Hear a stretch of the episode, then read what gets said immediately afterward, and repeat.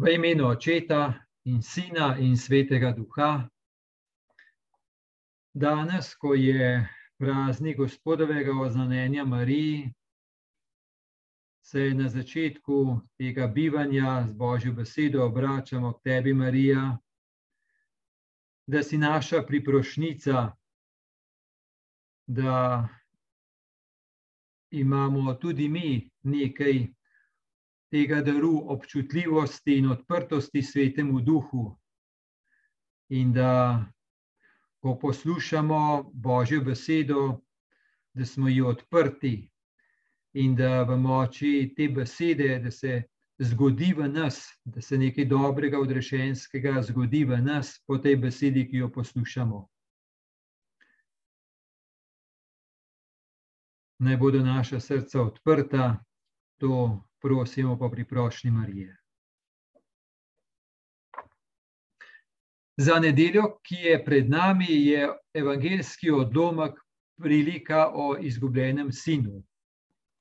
Ker je tako poznana, ne bomo sedaj na začetku prebrali, ampak i tako mesijo prebiramo. Tako tradicionalno je imenovana prilika o izgubljenem sinu, Um, je pa res, da je v središču bolj usmiljeni oče, pa oba dva sinova sta um, predstavljena, ne samo izgubljeni sin. Tako začenja. Tisti čas so se Jezusu približevali vsi cestninari in grešniki, da bi ga poslušali. Farizeji in pismouki pa so ga drnjali in govorili: ta sprejema grešnike in je z njimi. Tedaj jim je povedal tole priliko. Torej, vidimo, da sta dve, dva, hm, dve, dva tipa, dve kategoriji ljudi. Torej, eno so okrog Jezusa, so zbrani, pravi, so se približevali, da bi ga poslušali, cestninari in grešniki. Torej, ta kategorija ljudi je, torej, tisti, ki so bili cestninari vemo, ne, da so, um, niso bili nič kaj vredni v očeh javnosti, zato ker so uh, bili v službi Rimljanov, pa tudi precej goljufali so. Če preberamo uh, zapis o Zaheju, pa srečanju z Zahejem, tam vidimo no, nekaj utripa, kako so oni živeli. Torej, cestninari in grešniki so bili v tem smislu grešniki, ampak vseeno jih je pa nekaj gnalo k Jezusu. Očitno je imel Jezus eno tako besedo za njih, da so ga radi poslušali. No, to je ena kategorija. Druga kategorija, farizeji in pismovki, pa so godornjali, ta sprejema grešnike in jeznimi. Torej, to, da je Jezus bil z grešniki, da so k njemu grešniki hodili, na katerem pa to nikakor ni šlo v račun farizejem pa pismoukom. Nekako ni šlo skupaj to, kako je to mogoče. No, in pravi, da jim je povedal tole priliko. Komu je povedal tole priliko? Torej, to priliko ni povedal grešnikom, pa cestninarjem, ampak tole priliko je povedal farizejem in pismoukom. Nim je povedal. Zakaj jim je povedal? Zaradi tega, da um, bi jim pomagal um, odstreti pokazati, kje so oni ujeti, zakaj eh, so nekako tako trdi v srcu, da ne morejo enega srečanja Jezusa z grešniki, kako da ne morejo te ljubezni sprejeti. Torej, farizeji in pismo, ki vemo, so bili zelo osrediščeni na postavo. Prepričani so bili, da so v božjih očeh pravični, zato ker ne, um, ker ne kršijo postave.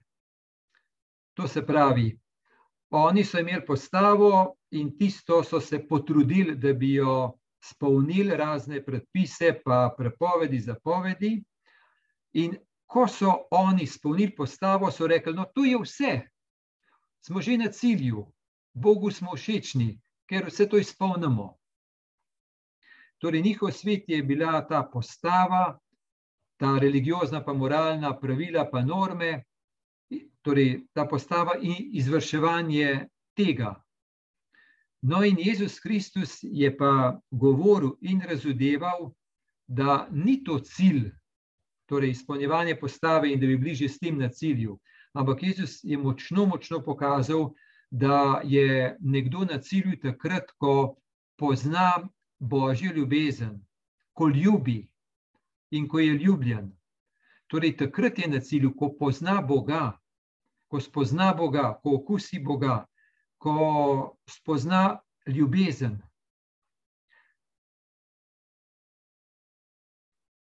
Medtem ko pa farizeji, pa pismovki, torej in, in je ta ljubezen bila namenjena tudi grešnikom, še posebej grešnikom, očetova ljubezen po sinu Jezusu Kristusu. Torej, to je bil Jezusov pogled. Za ljubezen gre, ne za izpolnjevanje postave. da vso, vso, ta vsa pravila, pa to so kvečemu pot k cilju, ki je ljubezen. Ne pa, da je to že cilj. In torej, farizeji v svojem prepričanju, ne, da so na cilju, ko izpolnjujejo postavo, so potem tiste, ki niso izpolnjevali postave, so jih zelo tako zviška gledali, eh, podcenjevali in vsekakor so se izogibali stiku z grešniki, ker sebe so videli kot čiste in za gnilobo se niso hoteli družiti, ker gniloba bi pač okužila tudi njih. To, to je uh, bilo. In to čutimo, ta konflikt. Ne? To se pravi, Jezus je bil odprt do grešnikov in jim je dajal svojo ljubezen, in je rekel, da to gre, Medtem ko pa farizeji, pa pismo, ki so se pa nekje druge ustavili, so bili v svojem svetu in nikakor niso mogli sprejeti, kako to, da je Jezus božji človek, kako da je možno, da se ta božji človek kar druži z grešniki. Sploh jim, jim ni šlo v račun. No, zato je prav njim um, namenjena ta prilika. Torej, zato, da bi jim Jezus pomagal videti, da, kje so oni, kje so ujeti in dejansko potem bo njihovo mesto bo v starejšem sinu. Tako je ta prilika. Neki človek je imel dva sina. Mlajši med njima je rekel očetu: Oče, daj mi delež premoženja, ki mi pripada. In razdelil jima je imetje. Torej, če prisluhnemo ali pa začutimo držo tega sina do očeta, vidimo, da je bolj kot očeta, da vidi imetje, kaj bo od očeta dobil. Torej, bodi si ena taka zahtevna drža, ni kaš čutiti kakšne hvaležnosti, kakšnega spoštovanja, ampak ena zahtevna drža in da ga je predvsem zanimalo premoženje, ki mu pripada. Vemo, da starejšemu sinu je pripadalo večje premoženje, mlajšemu manj, ampak je rekel, evo, kar je od tebe, to me zanima, ostalo me pa ne zanima. Torej, ni kašne, kar je bilo odnosa, oče, sin, se je vse se strani sina zreduciralo na očetovo imetje. Zato mu je šlo. Zdaj, gotovo bi pomislil najprej, da mu je šlo za imetje zaradi tega, da bi na osnovi tega imetja zgradil svoje življenje, svoje gnezdo, svojo življenjsko pot. Ampak potem vidimo, da ni bilo tako, da dejansko je bil tako slep, preslepljen od um, svobodnjaštva, od uživanja, od zapolnjenosti čutov, da mu je to predstavljalo polno življenja in je vse denar, oziroma vse te dobrine, ki jih je dobil od očeta, jih je na ta način um, vse pohnil. Zdaj pravi, oče ga je v Bogu, razdelil jim je imetje. Dejansko se je navadno to zgodilo po očetovi smrti, ampak oče je tako naredil. Zdaj, tukaj imamo očeta, pa dva sina. Važno je to, ne, da ne bi zdaj rekli, eh, mislili, da je ta prilika, jo Jezus pove staršem, kako ne vzgajajo otroke. Ne gre za to, ne, da ne bi zdaj to apliciral, pa bi rekel, ja, kako, kako je zdaj to. Ne, tukaj čutimo, da je poanta te prilike nekaj drugega. Naprej pravi, čez nekaj dni je mlajši sin spravil vse stvari skupaj in odpotoval v daljno deželo. Tam je z razuzdanim življenjem pognal svoje premoženje.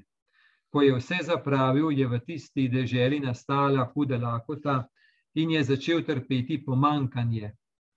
Šel je in se pridružil nekemu meščanu tiste dežele, ki ga je poslal na svoje posestvo, past svinje. Želel se je nasititi z rožiči, ki so jih jedle svinje, pa mu jih nihče ni dal. Torej, ta mlajši sin se je najprej res močno privoščil, res na polno užival za denarje, marsikaj si je lahko priskrbel, marsikajšno tako zapolnjenost čutov z, z zabavami, in gotovo so bili okrog njega marsikakšni ljudje. In um, dokler je to v redu šlo, sploh ni pomislil, da bi bil kakšen problem, kakšna težava, um, kakšno vprašanje.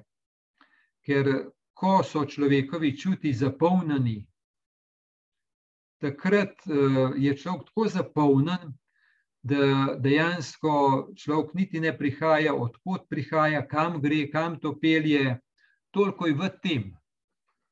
To je, naprimer, podoba bolj na makronivoju, kaj pomenijo stoletja in desetletja uničevanja narave, odmetavanja v naravo vsega, mnogo stvari, brez da bi kdo se zares poprašal, čakaj, kam pa to pelje.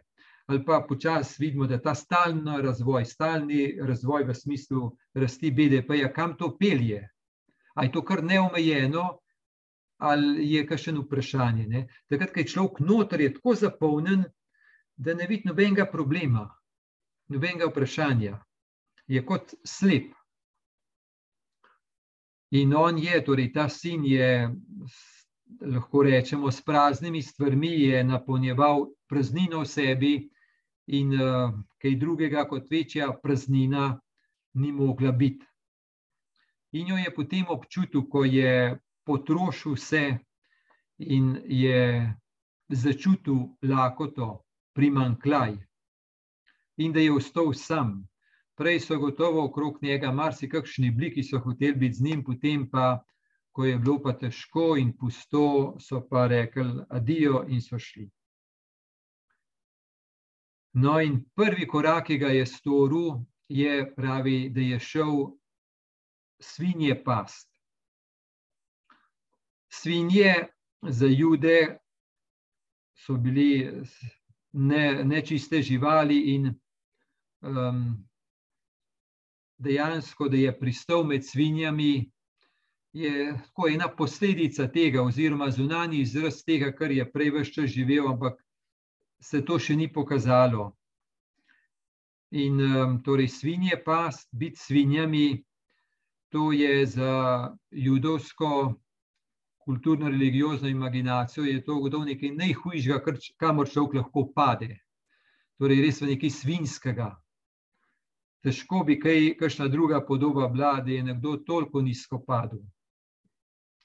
No, in ta stavek je pa res, rekel, močen, da se da res človeka pretrese. Želel se je nasititi z rožiči, ki so jih jedle svinje, pa mu jih nihče ni dal.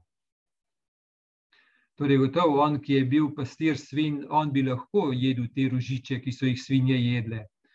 To na vsak način. Ampak pravi, kaj mu je bilo hudo da mu jih nihče ni dal, to je bila njegova stiska. Torej, da je bil tako sam, tako osamljen, tako brez ene dobrote, brez ene topline, brez ene, prav, res, prav sam. Torej, on bi si jih lahko vzel, ne vemo, to ni težava, ampak vemo pa, da je zelo velika razlika, da si človek sam vzame ali pa da mu nekdo da, da je v tem vsa razlika, ne samo imeti ali ne imeti ampak je to dano v ljubezni in je skozi nekaj, kar je dano, je dana ljubezen in iz tega človek živi, ne samo iz fizičnih rožičev, ampak da mu jih nekdo da, to človeka poganja, dobrota, ljubezen, dobrohotnost, bližina. Um, to in to res pretreseno, kje je on uh, pristal. Torej, ne samo med svinjami, ker je bil res podno od podna, ampak tudi, da tudi tisti, ki so jedli svinje, njemu ni nihče dal, pa bi jedel. To, kaj pomeni ta lakota po bližini, po odnosu, po pripadnosti, po, po dobrohotnosti. Sveta mati Terezija, ki je dobro poznala, kaj pomeni telesna lakota v Indiji, ampak je rekla, pravi, bolj kot telesne lakote je človek lačen dobrote, pa bližine.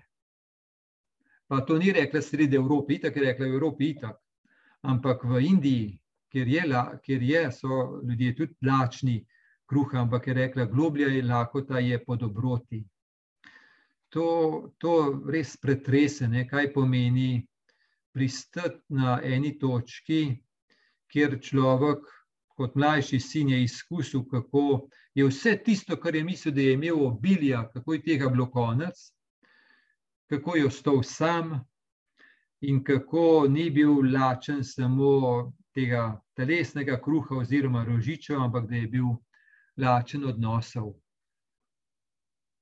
topline, bližine, dobrote. Pravi, šel je vase in dejal, koliko najemnikov mojega očeta ima kruha v obilju, jaz pa tukaj umiram od lakote. Vstal bom in šel k očetu in mu rekel: Oče, grešil sem, zopr nebo in pred teboj nisem več ureden, da bi se imenoval tvoj sin. Vzemi me za enega od svojih najemnikov. In vstal je ter šel k očetu. Torej, ta mlajši sin v situaciji, kot je bil, bi res lahko obupal, bi res lahko rekel: Vse sem zavozil, vse sem uničil, vse mostove za seboj sem porušil, um, konec je, edini za upati je, konc je vsega. Torej, lahko bi upal. No, ampak pravi, da je šel v sebe, in tam pa vidimo, da se je zelo hitro spomnil očetove hiše. Šel je vas in dejal, koliko najemnikov mojega očeta ima kruha v obilju. To se pravi, ko je šel vase, pa on v sebi ni našel samo obup, samo brezno, samo eno močvaro, v katero bi padel, ampak je v sebi našel spomin na očeta. Torej, da tam nekje še vedno en oče, da je tam še vedno en prostor, dobro, sin je zdaj, predvsem, verjetno mislil, da bo nekaj vendarle imel vsaj eno eksistenco, ampak kakorkoli že spomin na očetovo hišo mu je dal novo upanje. To se pravi, ni v sebi našel eno tako brezno, brez dna, ampak spomin na očetovo hišo in tukaj se je zbudil žarek upanja. Um, in je močna ta beseda, vstal bom in šel k očetu. Torej, govori, da je prejel iz spominjanja očetove hiše, je prejel eno notranjo moč, to vstal in šel pomeni čutimo v en, eno odločitev, eno upanje, en korak, eno notranjo moč, eno novo upanje. No, ta podoba, eh, kaj pomeni, ko nekdo zavozi, ampak da še vendarle, tudi ko nekdo zavozi, da najde v srcu spomin na eno dobroto, ki jo je bil deležen, oziroma ki ga na kakšen način spremlja, to je tako dragoceno sem že kar nekajkrat tako slišal od kakšnih tako mladih, ki so kaj zavozili, ampak kaj to pomeni, da ko so šli vase, niso obupali nad tem, kar so zavozili, ampak da so lahko v sebi našli eno tako, eno kus ljubljenosti, da so jih starši imeli radi.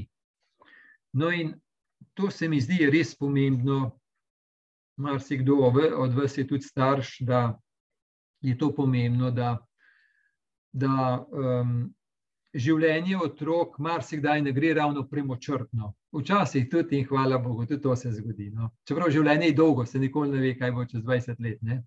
Ampak, torej, marsikdaj je pot zelo ovinkasta, ker življenje res ne posluša starševskih schem, kako naj bi pot otrok šla in kako naj bi vse premočrtno šlo. Ne. Um, ampak to, da tudi če je pot otroka malo uvinkasta in tudi če bo kdaj prišel v hudo stisko, ko bo videl, um, nekaj sem zgrešil, tole pa ni bilo v redu. Ampak če bo takrat v srcu našel eno moč za pot v hišo k staršem, ali pa ko bo našel v srcu eno ljubljenost od staršev, bo lahko to res močna lučka upanja, morda zelo bistvena.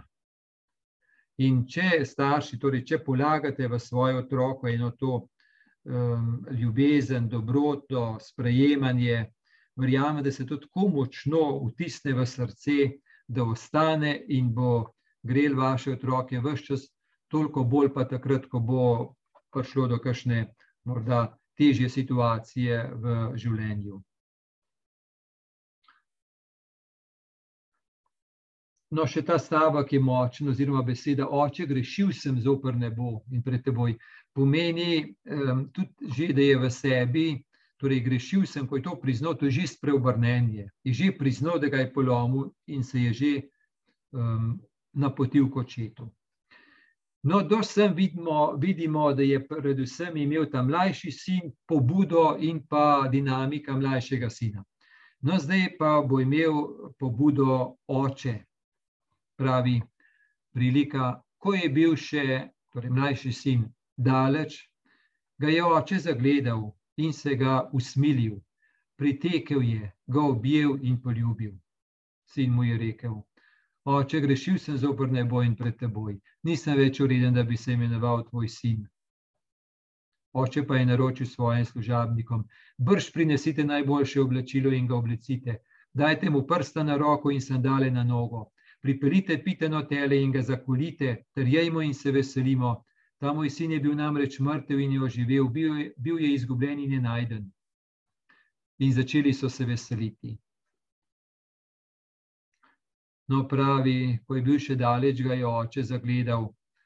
In ta beseda nam lahko da eno kus očetove drže, kot da je oče po odhodu mlajšega sina od doma, kot da ga je vse čas čakal, kot da bi vse čas pogledoval, kdaj bo od tam prišel.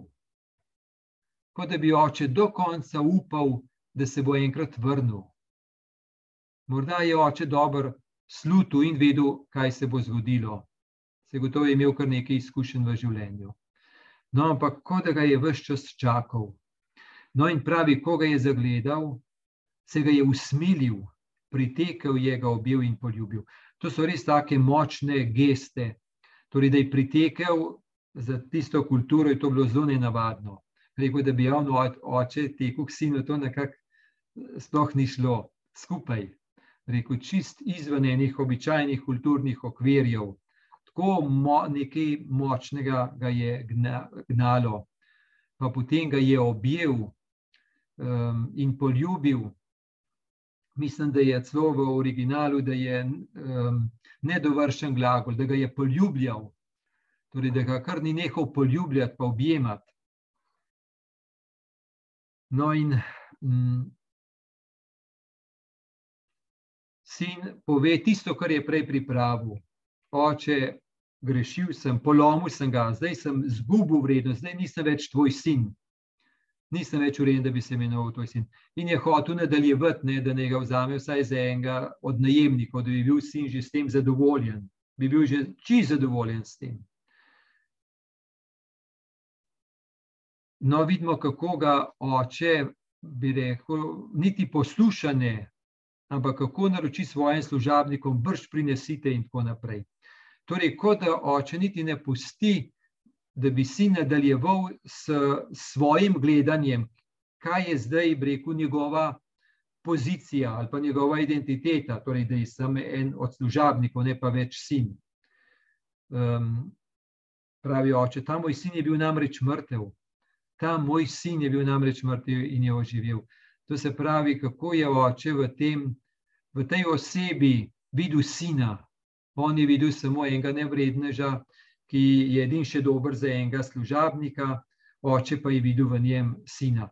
Torej, iz očetove strani ni prostora za kakšno očitanje ali pa za kaznovanje. Oče, na primer, ni rekel, v redu, vrnil si se, dam ti šanso, najprej boš delal tako kot najemnik, toliko in toliko časa, to je prvi korak, pa pa bomo naprej videli. Torej, oče ni tega naredil, ni mu rekel, ti už pa zdaj najprej naredil pokoro, da se boš zapomnil, pa pa se pogovarjamo naprej. Zakaj? Ker oče je vedel, da je pokoro že krepko naredil. Oče je tako bister je bil, da je vedel, skozi kaj je ta mlajši sin šel. Morda je celo kakšne novice imel. Vsekakor je vedel, da je krepko pokoro on že šel skozi njo. Mu ni rekel, da ja, boš moral kar odplačati in poplačati vse to, si boš moral nazaj prislužiti mesto sina, do takrat pa med najemnike,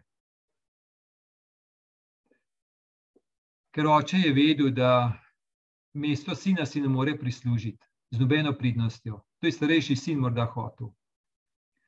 Da je sin, je sin, zaradi tega, ker ima očeta. To ni nekaj, kar bi človek si prislužil, odslužil. To edino lahko živi in sprejme. Oče lahko da, oče, ki rojeva, pustimo zdaj oče, mama, nismo zdaj v teh stvareh, da bi se zdaj okrog tega zapletli, zakaj ni mama, zakaj oče. Sporočilo vsekakor pride skozi, tudi oče, ne, ne pa mama. Um, to se pravi, sin je, ko ga oče rojeva, na ta način je lahko sin. To ni nekaj prisluženega. Najemnik prisluži, služabnik prisluži, biti sin je pa nekaj čisto drugega. Tako da mu oče vrne dostojanstvo, mu da v tem smislu novo rojstvo, novo življenje, ki ni prisluženo, to je dar očeta, oče to daje. To je res močen ta izraz, ko reče: Moj sin je bil namreč mrtev in je oživel. Torej, vemo, da Prijeti nekaj kot zasluženo plačilo je nekaj, medtem ko pa prijeti nekaj kot čisti zastonski dar, to je pa božje ljubezen, to je pa božje usmiljenje.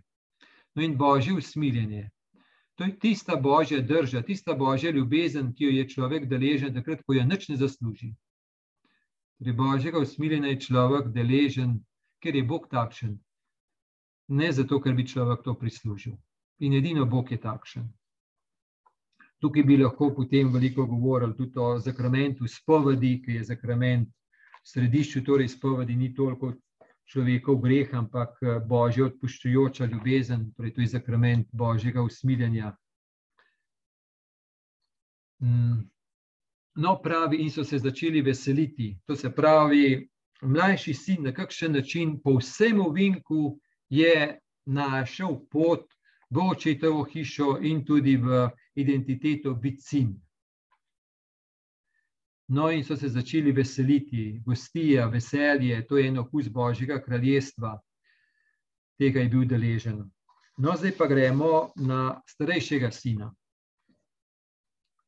Njegov starejši sin pa je bil na polju. Ko se je domov grede približal hiši, je zaslišal godbo in ples. Poklical je enega izmed služabnikov in ga vprašal, kaj pa to pomeni?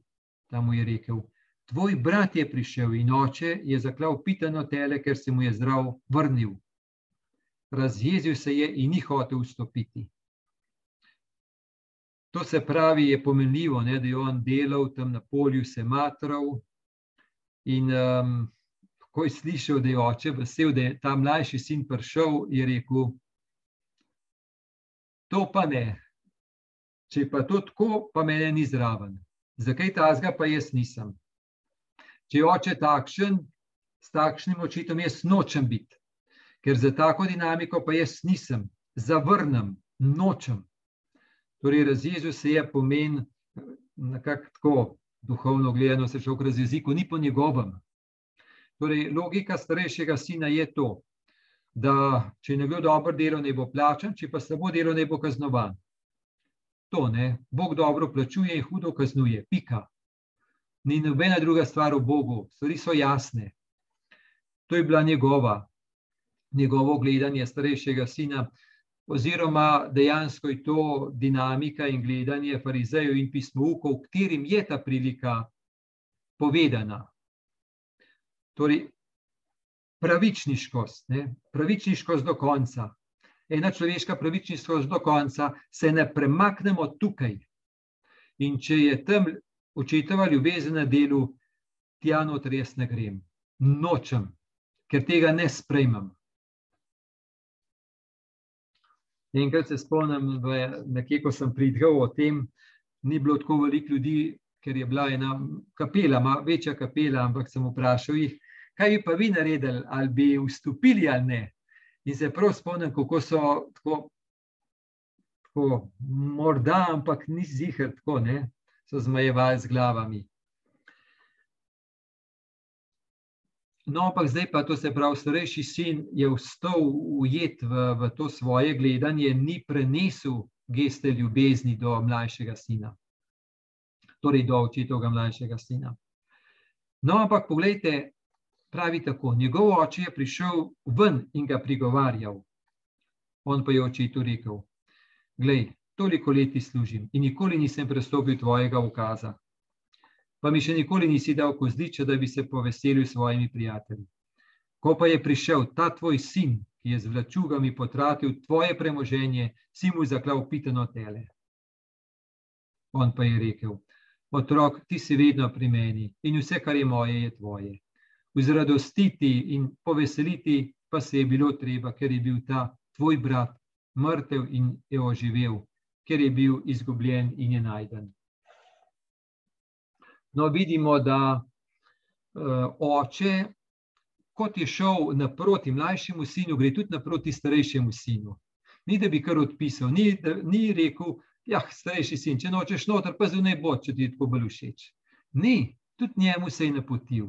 In mu prav, rekel, pravi, ga je prigovarjal, mu je razlagal, se dejansko je pismovkom in farizejem Jezus prav, jih je tudi imel rad, zato jim je povedal to priliko, da bi se odstrl jim njihova eh, zaprtost pa zaslepljenost.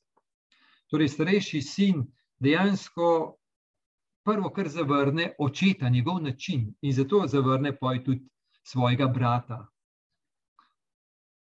Prav ta tvoj sin. Tako. Torej, zavrne očetovo ljubezen, očetov način tega ne prenese. Torej, oče sliši res krepke očitke. Jaz sem služil vsta čas obogljivo, pridno, pa kaj je od tega. No, tukaj vidimo, kako se starejši sin izda, da pravi, um, toliko leti služim. Torej, da se je on doživljal ne toliko kot en sin, ampak da se je, kot, da se je doživljal kot en delavec, kot en sužen, kot en najemnik, kot en delavec, kot en hlapec. Torej, starejši sin ni živel identitete sinovstva, ni, ni živel te očetove dobrote, eh, odnosa z očetom. Torej, kot mlajšemu sinu ni šlo za odnos z očetom, ampak za njegovo imetje, tako tudi starejšemu sinu, kot da je šlo bolj za to, da je izpolnjeval ukaze in da je mislil, da je to to, ampak odnos z očetom je še marsikaj drugega kot to ampak tega očitno ni poznal. Preko poslušamo tega brata, starejšega, oziroma starejšega sina, čutimo, koliko je v tem ene grenkobe, koliko ene žalosti, ni veselja, ampak res je ena pravičniškost, prav tista, ne, vse prislužiti in vse odslužiti, ni nobene druge možnosti. Vse treba prislužiti in vse treba odslužiti torej pravičniškost, nobene mahkobe odpuščanja, nobenega usmiljenja. In starejši sin dejansko se je čutil prizadetega in prevaranega od očeta, ker je mislil, da veljajo pri očetu drugačni načini, torej te, vse prislužiti, vse odslužiti. Bog dobro plačuje in hudo kaznuje. In zdaj, ko je pa um, oče pokazal eno drugo gesto, pa je rekel: To pa ne oziroma ko je Jezus pokazal drugačno gesto, so začeli budrnjati nad njim. Niso mogli to sprejeti in so ga zavrnili, pismovki in farizeji. Torej, starejši sin dejansko vidno, se je postavil zdaj v vlogi žrtve, izkoriščenega, prevaranega, okrog prinašenega. in je ostal brez očetove hiše, ker v očetovi hiši stvari delujejo na drug način, na način ljubezni, usmiljenja, odpuščanja. On je pa rekel, tega pa ne, to pa ne sprejmem. In dejansko ne vemo, ali bo on vstopil ali ne, ni napisano. Torej, če je oče videl v izgubljenem sinu, sina, ki se je vrnil, je pa starejši videl v tem mlajšem enega, enega ki se mu greh delal in mora zdaj za to odplačati. Nobenega usmiljanja, nobenega odpuščanja. Ne sme biti. Zdaj, oče je imel oba dva, ne ni imel rad samo enega, oba dva. Sej starejši sin, glede na to, da je večinski delež dobil, itak je bil že privilegiran s tem, da je bil starejši sin. Je pa tako, ne lahko rečemo, starejši sin je dobil stalno pomalem, pa ni tega sploh vedel, kaj vse prejema, mlajši sin je pa enkrat dobil veliko. Enkrat se spomnim, je rekla ena študentka, kako je bila navošljiva eni prijateljici, ki je enkrat na leto, ko jo je botrca obiskala, dobila eno ogromno darilo. Prav moja botrca je pa po malem tekom letom dejala drobne stvari. Ampak, ko sem jaz videla tisto skupaj, enkrat na leto, ki je moja prijateljica dobila prav, jaz sem bila prav, prav, prav ljubosumna na to. Ne. To je to, kako človek drugače gleda. No, zdaj pa, kakšno besedo še rečemo. Um, kaj pa je, kaj je z nami? Kaj pa je z nami, kje smo pa mi? Um, Torej, tudi mi smo lahko, oziroma tako temeljno vprašanje ob enem takem odlomku je, kje se najdemo. Morda se v obeh najdemo, um, malo v starejšem sinu, malo v mlajšem sinu, um, v čem v starejšem sinu, v čem v mlajšem sinu. Vsekakor, v katerem koli od sinov se že najdemo, važno je, da spoznavamo usmiljenega nebeškega očeta in da zato mi lahko um, vzemamo oziroma živimo to vlogo usmiljenega očeta do naših bližnjih, usmiljeno držo do naših bližnjih. Torej, za to gre. Ne, ne samo smo starejši ali mlajši brat, ampak to, da mi postajamo ta usmiljeni oče. No, to je ena taka uh, temeljna stvar. Um, Mm, pa čutimo no, to glavno, kaj Jezus prinaša, da prinaša očetovo usmiljenje, ampak ni tako avtomatsko, da ga sprejmemo. Niti mlajši sin, niti starejši sin ni avtomatsko. No, in tukaj nekje smo, gotovo nekaj mlajšega, nekaj starejšega v nas, kakšne vrste sinovi smo ali pa hčere.